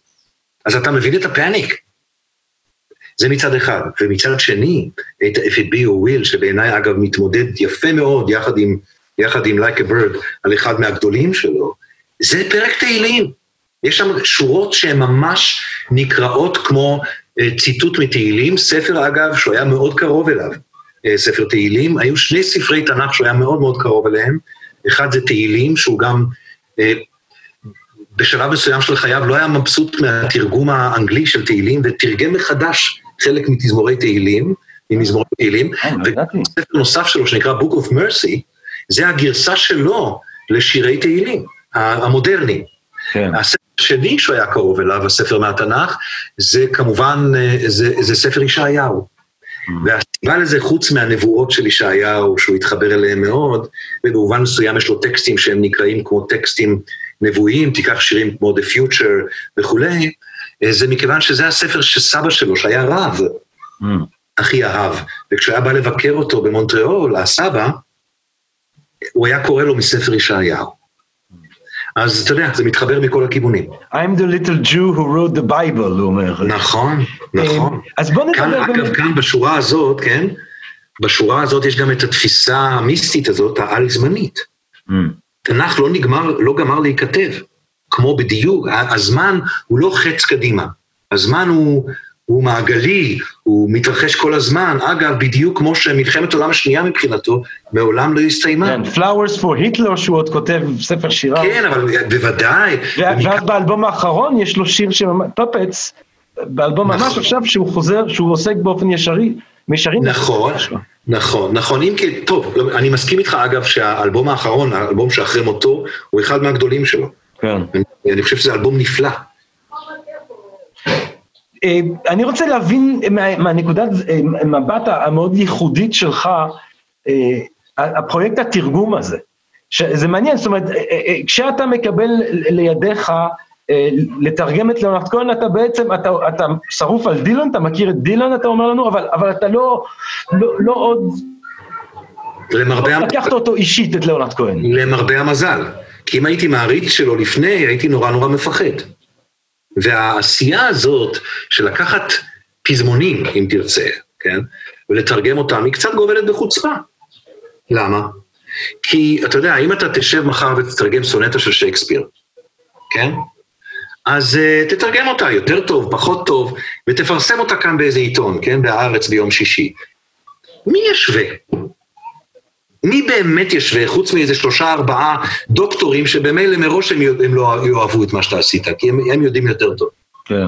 אבל כשאתה לוקח את סוזן, ואתה מתרגם את זה לעברית, אתה אומר למאזין שלך, כן. חביבי, אני לוקח לך את הזיכרונות שלך. כן. אתה צריך to rewrite, לכתוב מחדש את אותה קפסולה של זיכרון. במיוחד במדינה ש, שאנשים שנורא אוהבים את כהן, הרבה מהם מבינים אנגלית, אז הם, אז הם כולם, יש לך בעצם מאות אלפי מבקרים כאן. לגמרי, ואכן חטפתי על הראש, ברוך השם, ואגב, בצדק, כי זה באמת מעשה שקצת גובל בחוצפה, או קצת גובל ב... ביוהרה, או מצד שני, אני חושב שספר הכמיהה זה- הוא רב מר, הוא רב מכר, לא? שני הספרים הם רבי מכר. כן. זאת אומרת, יש ספר הכמיהה, שזה הספר ה... הלפני האחרון שהוא הוציא בחייו, ולפני לפני זה פרסמתי ספר שהוא הרבה יותר רב מכר ממנו, זה נקרא ליאונרד כהן השירים. אה. שיש את כל השירים הגדולים, שבעצם אני ביססתי אותו על ה-selected poems שלו עצמו. אה, שערכה לו אגב רבקה דה מורני, אה, בת הזוג שלו, השחקנית, הקולנוע הקנדית. אז שם יש את, גם את כל השירים הגדולים מסוזן ועד אה, Like a Bird לא, כי. התרגום שלך הפך, הפך לקנוני, אנשים שרים את ליאונרד כהן בעברית, הם שרים את התרגום של אה, מידן. אה, אני, זה נכון, זה, אני לא יכול להסביר לך כמה זה ממלא אותי גאווה, כן. וכמה זה ממלא אותי גם אה, תחושה שעשיתי משהו בחיים. ובאמת, זה, זה, זה, כל כך, זה כל כך כבוד בשבילי ו, ושמחה בשבילי, וזה התחבר, אתה יודע, אומרים שבחיים זה גם הרבה עניינים של תזמון, אה, זה גם, אה, זה גם התחבר למקום הזה, שקצת אחרי שאני עשיתי, התחלתי להתעסק איתו, פתאום כל, ה, כל העולם וגם כל הארץ התאהבו מחדש בכהן. אתה יודע, אה, אה, זה קרה בתחילת שנות האלפיים, או אפילו, אתה יודע מה, ב-2005, 2006, אה, קצת לפני שהוא חזר להופעות, אחרי שהוא ירד מה, מה, מהמנזר, הוא גילה שגנבו לו, לו את כל הכסף, וזה החזיר אותו להופעות. ואז קרה משהו נורא נורא מעניין, שבעצם התקופה המאוחרת בחייו, שהוא בן 74 ו-5, הוא מצליח ברמה שאף פעם בחיים הוא לא הכיר. הוא תמיד היה קצת בוטיקי, קצת, אתה יודע, למביני כן. עניין, או נגיד אם נתרגם כאילו את זה... פתאום בפולין הוא נורא פופולר, בפולין הוא פתאום מוכר יותר אלבומים בפולין. מייקל ג'קסון. בישראל נכון, יש- יש פוקטס, יש כאילו יש מקומות... כאן משהו סוציולוגי בסוציולוגיה של המוזיקה ובסוציולוגיה של התרבות, שעוד צריך להתפענח מתישהו. כך או כך, כשהוא חוזר אחרי החמש-שש שנים, ואגב, עוד עשר שנים שלפני המנזר, שהוא לא הופיע, הוא היה בדיכאון, והוא רצה להתאבד וכולי, הוא חוזר אחרי 12 או 13, לא זוכר בדיוק כמה, 14 שנים שהוא לא מופיע, הוא חוזר ונהיה מין רוקסטאר חוצה דורות, צעירים, מבוגרים, וגם בארץ. אני, אתה יודע, אני מסתובב עם מופע עליו, אני רואה מי הקהל. הקהל זה כולם, כולל אנשים שלא שמעו לא כהן ולא דילן כל ימי חייהם, אלא הגיעו עד שרה לשרון. אתה מבין? זה, זה, זה, דבר, זה דבר שאין לי את ההסבר המלא לו, ובמובן הזה התרגומים שלי הגיעו בתזמון מאוד טוב ומאוד מוצלח ונעזרו בתרגום הזה. ואני, הדבר השני שאני אומר, הוא שאני אמרתי לך קודם שהוא יותר ספרותי, ולכן יותר קל לתרגם אותו, בניגוד למה שחושבים לחשוב, נוהגים לחשוב. כשאדם הוא יותר ספרותי, אז זה כמתרגם נותן לך יותר חופש לנוע במשלבים של השפה ולמצוא פתרונות יותר יצירתיים. שיר עם חרוזים יותר קל לתרגם מאשר שיר בלי חרוזים, למרות שזה נדמה ההפך. מעניין. השלישית אולי, היא שבאמת כשאני מסתכל על כל מה שעשיתי בחיים, ועשיתי, אתה יודע, אה, לא מעט דברים, אני כבר לא בחור צעיר, זה באמת בעיניי אחד הדברים שיצא לי חיבור. יצא לי חיבור, ואני אפילו זוכר את הרגע שהבנתי את החיבור הזה. אם אתה רוצה, אני אספר לך. אה, בטח. אני, אה, אה, ש- אחרי שביטנסקי התקשר אליי, אשר ביטנסקי ואמר אולי תשב, יונתן גפן תפוס, הלכתי, ל, הלכתי לחדר עבודה שלי שהיה בגינה, גרתי בבית עם גינה, ושם היה מין צריף כזה, שהוא היה חדר העבודה שלי, וישבתי איזה חצי יום, אולי אפילו יותר, ותרגמתי את סוזן. ואז חזרתי מה, מה, מהצריף אל המטבח, ואשתי עמדה שם והכינה ארוחת צהריים. ואמרתי לה, את יודעת מה, אני אשאיר לך את זה. כי כל השירים שתרגמתי, מסוזן ואחרים, כל השירים המושרים, התנאי שלי היה שאני אתרגם אותם כך שאפשר לשיר אותם. מדהים, כן, מדהים. בטח. ושרתי לה את זה, ותוך כדי כך אני רואה את המבט שלה, ואני מרגיש את הלב שלי, ושם הבנתי את החיבור, הבנתי שקרה חיבור. אתה יודע, קרה חיבור, ואתה יודע, אה, אה, אה, בתוך, ה, בתוך הסולם שלי, בתוך הסולם של העשייה שלי, של הדברים שאני עשיתי, זה אחד הדברים המוצלחים. תגיד, הוא ידע, הוא ידע, אה, הרי הוא ידע קצת עברית ליאונרד כהן, והיה לו נכון. אה- אהבה, והתמונות המפורסמות שלו כשהוא הוא בא לעזור לנו אה, אה, במלחמת יום כיפור, או כמו שהוא אמר, גם להתרחק מה, מהנישואים הקשים שלו באותה תקופה. נכון. הוא, הוא, אבל אהבת ישראל, אהבת השפה העברית, הוא ידע על התרגום הזה? הוא, היה לכם איזשהו, היה לך איזשהו תקשורת? האם הוא ידע? כן. מה הוא ידע ואיך הוא ידע? אתה יודע, אני גם לא התקרבתי יותר מדי, וגם ניסיתי פה ושם, ולא... אני גם לא טוב בדברים האלה. אה, כאשר רצינו לתרגם את הספר הראשון, את הספר של ה-selected poems שלו, כן? אז היה צריך לקבל אישור ממנו ומאנשיו. ואז היה צריך לשלוח לו שני דברים. אחד, את התרגומים, ושתיים, את התרגומים מתורגמים לאנגלית. אה, והוא אישר. והוא אישר, ומקורותיי אומרים שאפילו ככל שהוא ידע, אה, הוא גם, ככל שהוא הבין, הוא גם אהב. אה, אה, אז כן, אז אני מתאר לעצמי, אני מתאר לעצמי שהוא, שהוא קרא פה ושם בתרגומים האלה. עכשיו לליאונרד כהן באמת אם דיברנו על הסוציולוגיה של ההתקבלות של המוזיקה שלו, בישראל זה מוקד מובהק של הערצה לליאונרד כהן. אה, אה, אתה יודע, כמו, ש- יש את ה... אני יודע מה, כמו רדיוהד, או יש את התופעה הזאת שלפעמים ישראל היא, איזשהו מוקד אה, להוט במיוחד על מישהו. למה זה? זה בגלל שהוא כהן, בגלל שהוא כהן, אבל אני חושב שיש יותר התלהבות ממנו מאשר אנשים יהודים אחרים מעצם אותם יהודים. מה ההסבר? אני אגיד לך, קודם כל צריך לחלק את זה עד שנות האלפיים ולפני שנות, ה- ואחרי שנות האלפיים. עד שנות האלפיים זה נכון, היו כמה מקומות בעולם שבהם הוא היה יותר אהוב מאשר למשל בארצות הברית, שהוא אף פעם לא היה כוכב גדול. אה, קנדה זה לא חוכמה, הוא תמיד היה שם אהוב מאוד, אבל הוא קנדי, אבל ישראל, דווקא כן פולין, אה, ארצות מזרח אירופה, אה, צרפת, אה, אה, זה ארצות שהוא אהוב הרבה יותר מאשר מקומות אחרים, אבל גם בהן, גם בישראל, תחשוב על כהן של, של, של שנות ה-70 ושנות ה-80 בישראל. זה לא, זה לא הביטלס, זה לא הסטונס, זה לא... הוא אהוב על, אתה יודע, על חבורה מסוימת של אנשים, הוא אפילו פחות אהוב ומוכר מדילן כל השנים. לעומת זאת, מה שקורה אחרי שנת 2000 זה התפוצצות. זה התפוצצות, גם בכל העולם, ובישראל אני רואה את הסוציולוגיה, אני רואה את הקהל, אני שוב אומר לך. אמ, ואז נדמה לי שיש שם כמה תהליכים, בחלקם נגענו, גם ההתבגרות של אלה שהיו פעם צעירים וכולי, אתה יודע, זה קורה לנו, אבל גם, כמובן שכשזה קורה אתה בעצם שואל איך זה לא קרה קודם, אתה יודע? אמ, אתה יודע, קח שיר בלתי יהודי לחלוטין כמו famous blue raincoat, כן? די די די די די די די די די די סדרה של טקסטים, אתה- די די די די לא? כן, כן, לגמרי. אה, אה, המוטיבים, גם היהודיים, גם המזרח אירופאים אצלו, כן. אה, אה, וכמובן שגם יש קשר בין המוזיקה היהודית המזרח אירופית למוזיקה המזרח אירופית הלא יהודית, והוא שואב את זה, והצוענית וכולי, והכינור, הם כל כך בולטים. הם כל כך בולטים שאתה בעצם מתפלא בארץ ש, שהמסורת המוזיקלית שלה זה שירים רוסיים משנות ה-20 וה-30. איך זה לא קרה קודם בעוצמה יותר גדולה? ומכיוון שזה קורה, השם כהן, אתה יודע, וגם כמובן המוטיבים היהודיים שלו. וכאן, העובדה שזה בעברית עזרה לעוד הרבה אנשים להתחבר.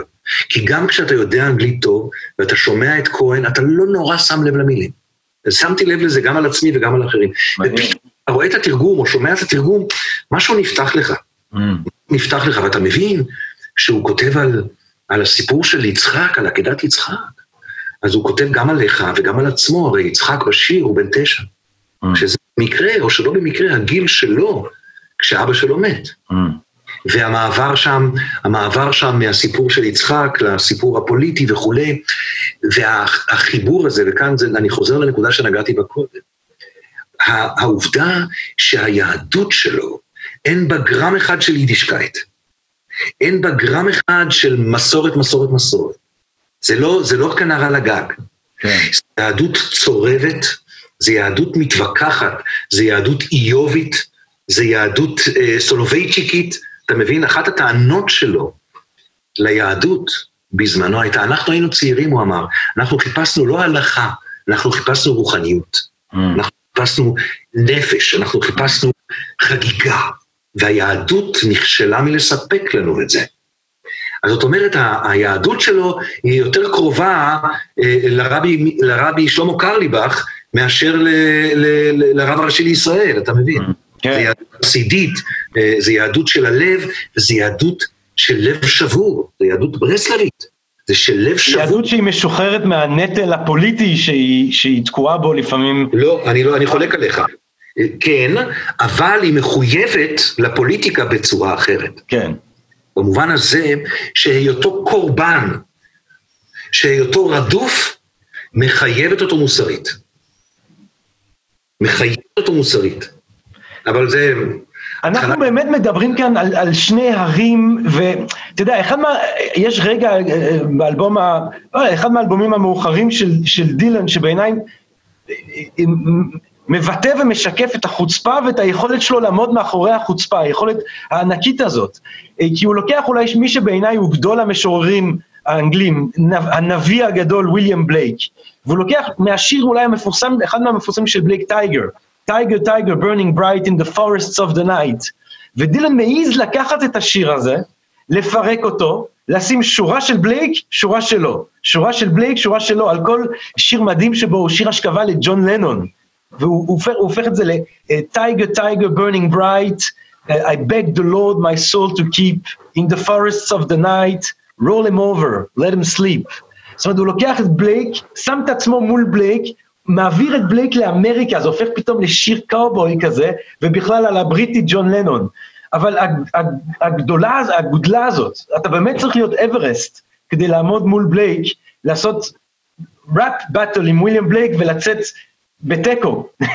אז אני, אני תוהה מי, אם אנחנו לוקחים את, ה, את הערים הגדולים האלה ואנחנו מסתכלים על גבעות ירושלים, מה, מה, מה המקבילה בישראל?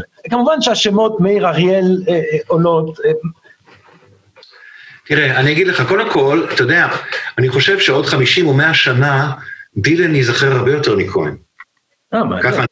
ככה, נדמה לי. אבל אולי אני טועה, מה אני יודע? אני לא אהיה כאן כדי שתגיד לי טעית. לגבי דילן, אני לא חושב שיש לו איזושהי מקבילה איפשהו. באמת. זה, אתה יודע, זה הוא הוכחה של התיאוריה של הסינגולריות. הוא חד פעמי, חד-חד ערכי. כהן, זה נורא מעניין שאתה שואל, כי אני במפגש המתמשך שלי עם כהן, אתה יודע, הוא יליד 34. אני תמיד חושב, ואם הסבא שלו והסבתא שלו לא היו נוסעים למונטריאול כי יש להם שם קרובי משפחה שכבר התבססו שם, אלא היו באים לארץ ישראל. מה היה יוצא ממנו? ואז אתה לא מאמין כמה קווים של דמיון אני מוצא בינו לבין יוצרים ישראלים, ארץ ישראלים עבריים. אני מוצא המון אלתרמן אצלו, המון. מעניין. אני מוצא פה ושם גם המון יהודה עמיחי אצלו, אני יכול לתת לך דוגמה אם אתה רוצה. יש לו, דווקא בשירים הלא מולחנים שלו, וגם בשירים המולחנים שלו, האהבה, כן, היא תמיד על רקע המלחמה. היא תמיד על רקע החורבות, אם אתה רוצה, של הגטו שעולות באש. זה יהודה עמיחי. רק על האוהבים לבדם ייתן רחמים ויחוס ויצל כאילן על הספסל בשדרה הציבורית. בעולם הזה של מלחמה בלתי נגמרת, כן? במקרה של כהן זה מלחמת העולם השנייה, שהוא היה ילד בזמנה, במקרה של יהודה עמיחי זה מלחמת השחרור שהוא לחם בה ואיבד בה את טובי חבריו.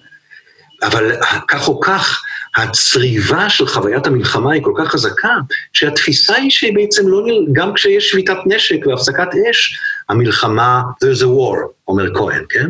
there's a war. היא פשוט נמשכת בדרכים אחרות ובחזיתות אחרות. מבחינת כהן היא גם מתרחשת בכל מטבח שני. יש מלחמה, מי, מי יבשל ומי יגיש, מי יאכל ומי יגיש.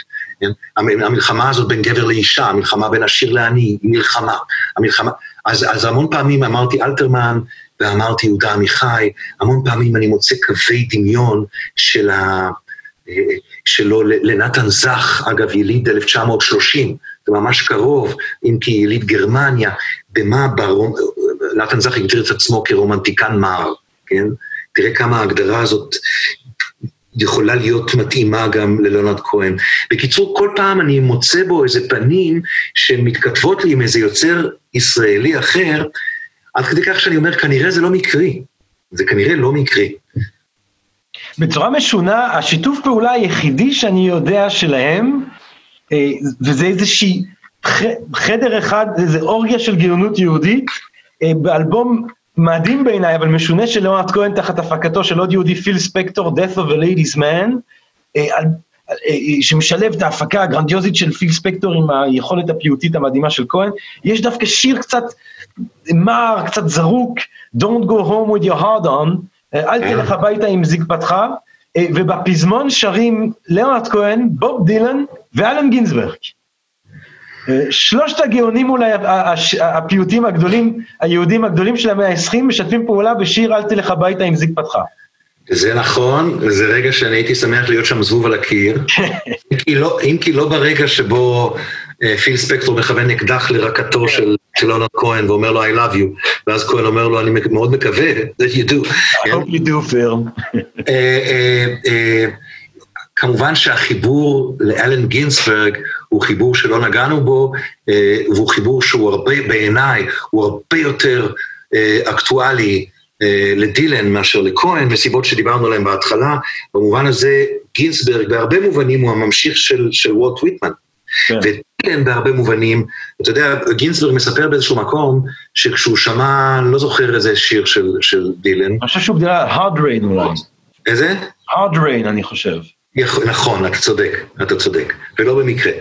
הוא אמר, אני הבנתי שהדור שלנו, הרי הדור של, של, של אלן גינסברג קדם לדור, זה הדור של הביטניקים מול הדור של ההיפים, כן? זה 10-12 שנה קודם. אה, מה שהם פילסו בדם, יזע וזרע, אה, הם כבר באו והלכו בדרך המלך. הוא אמר, היו לי דמעות כי הבנתי שאני מעביר את השרביט לדור הבא. כן? אה, זה כמו ששאול מקבל את, את, את, את השרביט מאלי הכהן.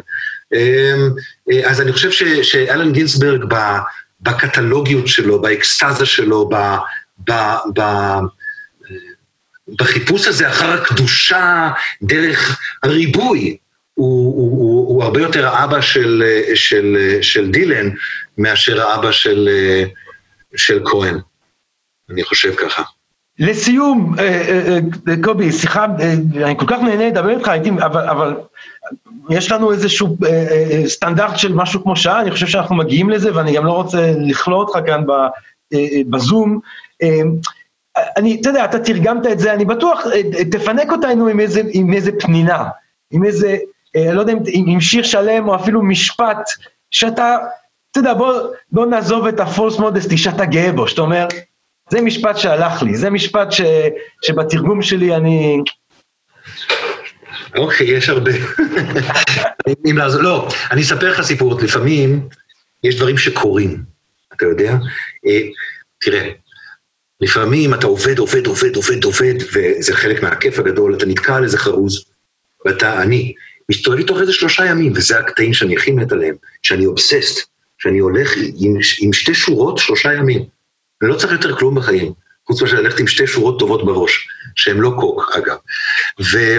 אה, אה, אבל לפעמים, ואז כשאתה גומר את השיר, אתה פתאום מסתכל עליו מהצד ואומר, רגע, אני עשיתי את זה? כן? אני עשיתי את זה? וואו, דווקא לא רע.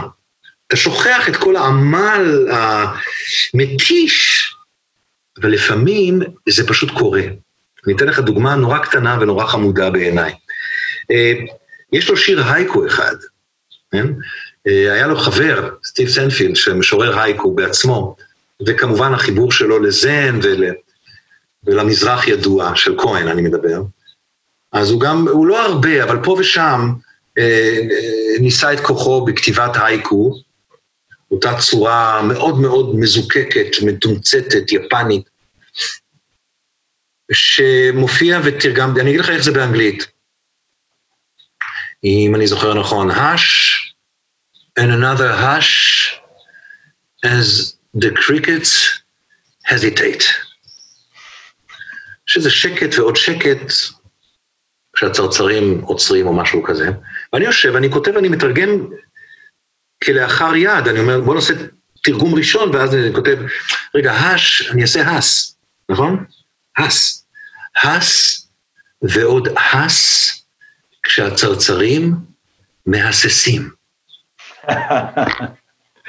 ואז אני אומר, אוקיי, את היום הזה כבר גמרתי, אני יכול ללכת לשתות משהו. זהו. טוב, אז אולי גם את היום הזה כבר, אה, אה, אה, אני מרגיש שאתה גמרת את היום לכולנו, וכולנו יכולים ללכת לשתות משהו. ככה אני אעשה. קובי מידן. גם מאוד נהניתי, ג'רמי, תודה רבה. תודה רבה רבה רבה לך, ומי ייתן ובקרוב ובימינו נוכל לחזור ולבוא לשמוע את ההופעה הזאת שלך על דילן וכהן ודברים רבים אחרים והחצאות רבות אחרות. אמן ואמן. ואני גם רוצה להודות אה, אה, למאזינות ולמאזינים שלנו, מקווה שאתם נהנים, נהניתם מהשיחה הזאת, לפחות כפי שאני נהניתי ממנה, שזה כבר הרבה מאוד, אני מקווה שתקשיבו לפודקאסטים שכבר הקלטנו, את אלה שעוד נקליט, תהיו בריאים אה, ונשתמע. אנחנו משתמעים מאוד מאוד מהר הפעם. אה, מה שקורה זה סיפור כזה, אני, אנחנו לרוב, כמו שאתם יודעים, בפודקאסט שלנו, אנחנו לא, אה, אה, לא עורכים את הפודקאסט, אנחנו עושים שיחה חיה, ואנחנו מקווים שהיא תהיה עסיסית ומלאת בהשחאה ובעניין, ואז אני שולח אותה לטובה ראש והסמסיגל והוא מעלה אותה לאתרים שלנו, והפעם תובל אומר, הוא מתלונן, כאילו שאני לא מספיק עובד קשה כאן, אלא אולי תוסיף שיר של בוב דילן, וזה, ושיר של מתכון, אומר תובל, תובל, תובל, קודם כל תירגע, אל תצעק.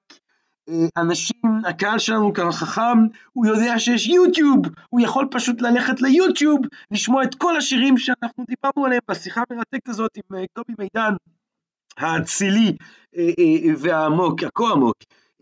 אז הוא אומר, לא, זה יהיה מגניב אם תעשה שיר, תשים שיר בסוף הזה. אמרתי לו, תובל, כאילו, מה אם אולי, אולי דילן יתבע אותנו, אין לנו זכויות, אולי דילן יתבע אותנו, הוא אומר, מה, אתה באמת נראה לך שדילן יתבע אותנו? ופתאום אמרתי, וואלה, אולי דילן יתבע אותנו, זה יהיה מגניב, זה יהיה מעולה. אז אי לכך ובהתאם לזאת, חשבתי, אני באמת אה, נעלה גם אה, שני שירים. עכשיו, אם כבר נשים שירים, בהינתן שכל השירים שדיברנו עליהם והשירים המפורסמים, אני מניח שהרבה מכם כבר מכירים, אה, ואפשר ללכת ולראות ולשמוע אה, כל דבר היום ביוטיוב אה, ובמקומות אחרים, אפשר גם להוריד את הכל נורא מהר, כן, פעם, אני חושב שזה דילון שאמר, שביקשו ממנו עד כמה זה מפריע לו כל ההרעדות פיראטיות, הוא אומר אם זה, אם, מישהו, אם זה פיראטי זה סימן שיש לזה איזשהו ערך, כן, אז ועוד איך איזה ערך יש לזה, אז כדי להדגים אולי את רוחב היריעה הגלקטי של היצירה של דילן, אה, בחרתי דווקא שיר שהוא שיר פחות אה, מוכר, ככה שלפחות בזה שאנחנו מוסיפים אותו יש גם איזשהו סוג של, אה, אה, אה, אה, יש גם אולי איזשהו סוג של אפשרות להכיר משהו ש, שאולי אה, חלקנו לא, לא ידענו, לא, לא הכרנו.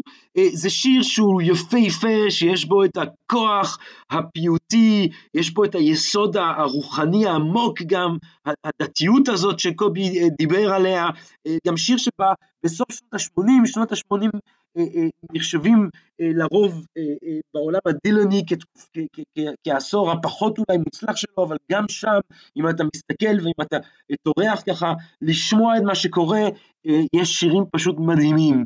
כמו השיר הזה מהאלבום Oh Mercy, אנחנו ב-89, ודילן מפרסם שיר שהוא שיר הללויה, כן, שיר תהילים, שיר דתי עם דימויים מהעולם הנוצרי שבתחילת העשור, תחילת שנות ה-80, הוא התגייר לתוכו, ודימויים יהודים, זו התקופה גם שהוא קצת הסתובב עם חב"ד, והכל בא ביחד בשיר המדהים הזה, Ring them bells. אז הנה לכם, נתחיל עם שיר של דילן ואז שיר של כהן, השיר של דילן, Ring them bells.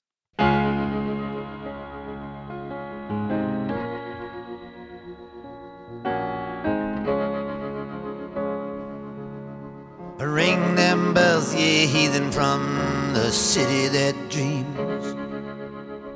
Ring them bells from the sanctuaries across the valleys and streams. For they're deep and they're wide, and the world's on its side. And time is running backwards, and so is the bride.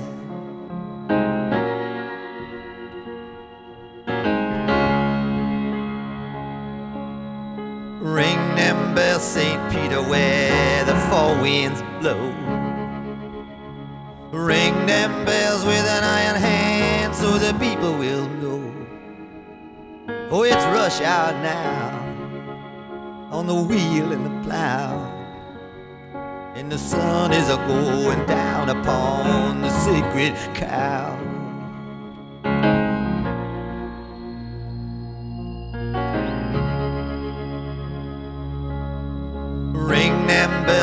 Martha, for the poor man's son.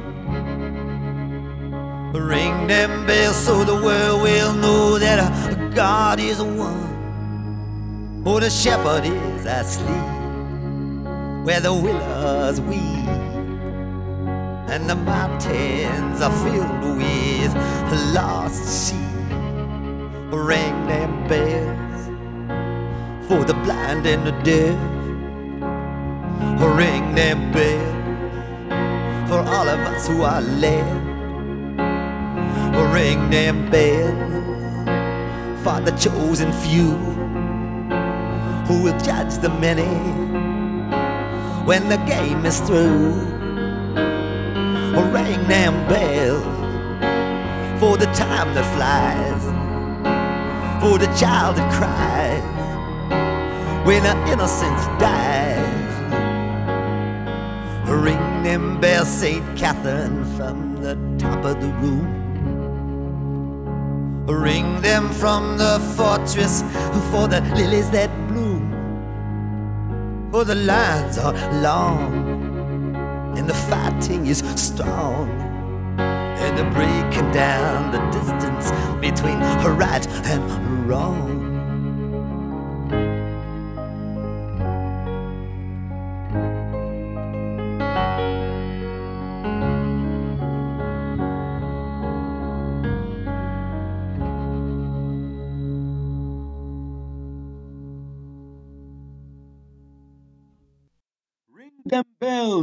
גבירותיי ורבותיי, ring them bells, בוב דילן, או מרסי, 1989. אה, טוב, ולסיום שיר של הכהן הגדול, הקדוש, ליאונרד כהן. אה, אני חשבתי אולי לקחת משהו מהאלבום האחרון, אבל ממליץ לכם מאוד לשמוע, בכלל ממליץ לכם לשמוע לכמה שיותר משני האישים, לשמוע לשירים האחרונים שדילן הוציא, שדיברנו עליהם, אה, Murder Most Foul, I Contain Multitudes, לשמוע את האלבום האחרון המדהים, הכה עמוק של ליאונרד כהן, אה, אה, Thank, Thanks for the Dance. אה, אבל עכשיו אני דווקא שוב רציתי לבחור משהו מליאונרד כהן, שגם זה אולי קצת פחות מוכר, אלבום שקובי ואני דיברנו עליו, Death of a Ladies Man, שהוא מקליט ב-1977, הקריירה שלו קצת בקריסה, וגם הקריירה של פיל ספקטור, המפיק האגדי המשוגע, שאהב להסתובב עם נשק יתר על המידה, עד שבסוף אה, נו- נורה לו איזה כדור שהרגה איזה שחקנית אומללה לפני כמה שנים בלוס אנג'לס. אה, פיל ספקטור וליאונרד כהן מוצאים את עצמם ביחד, שילוב קצת לא צפוי אה, בין העדינות הפיוטית של ליאונרד כהן לבין ה-wall of sound, קיר הצליל שמאפיין את המוזיקה של פיל ספקטור, לא אחד מהאלבומים היותר פופולריים מליאונרד כהן, אה, אבל, אה, ולא אחד מהמפורסמים, אבל אני חושב שיש בו, אה, יש בו כל כך הרבה אה, חיים, יש בו תשוקה, יש בו כל כך הרבה תשוקה נאה, תשוקה כמו, ש... כמו התשוקה שתהיה בכל העיר תל אביב, ברגע שאנחנו נעבור את המגפה הזאת ונחזור לחופי הים, לברים ולמועדונים, אנחנו נשמע אה, באוזניים שלנו את.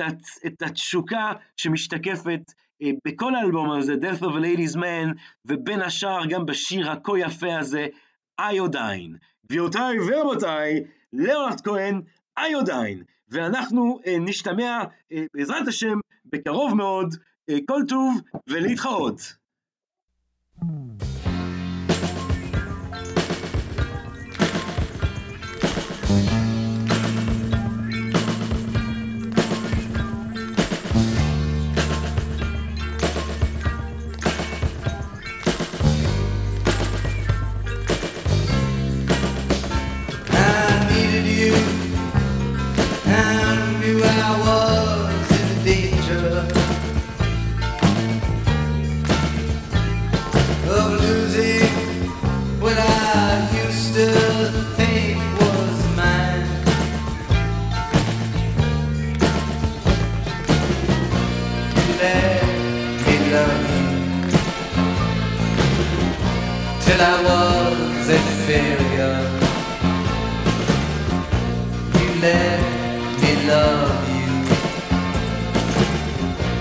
I was a failure. Your beauty on my.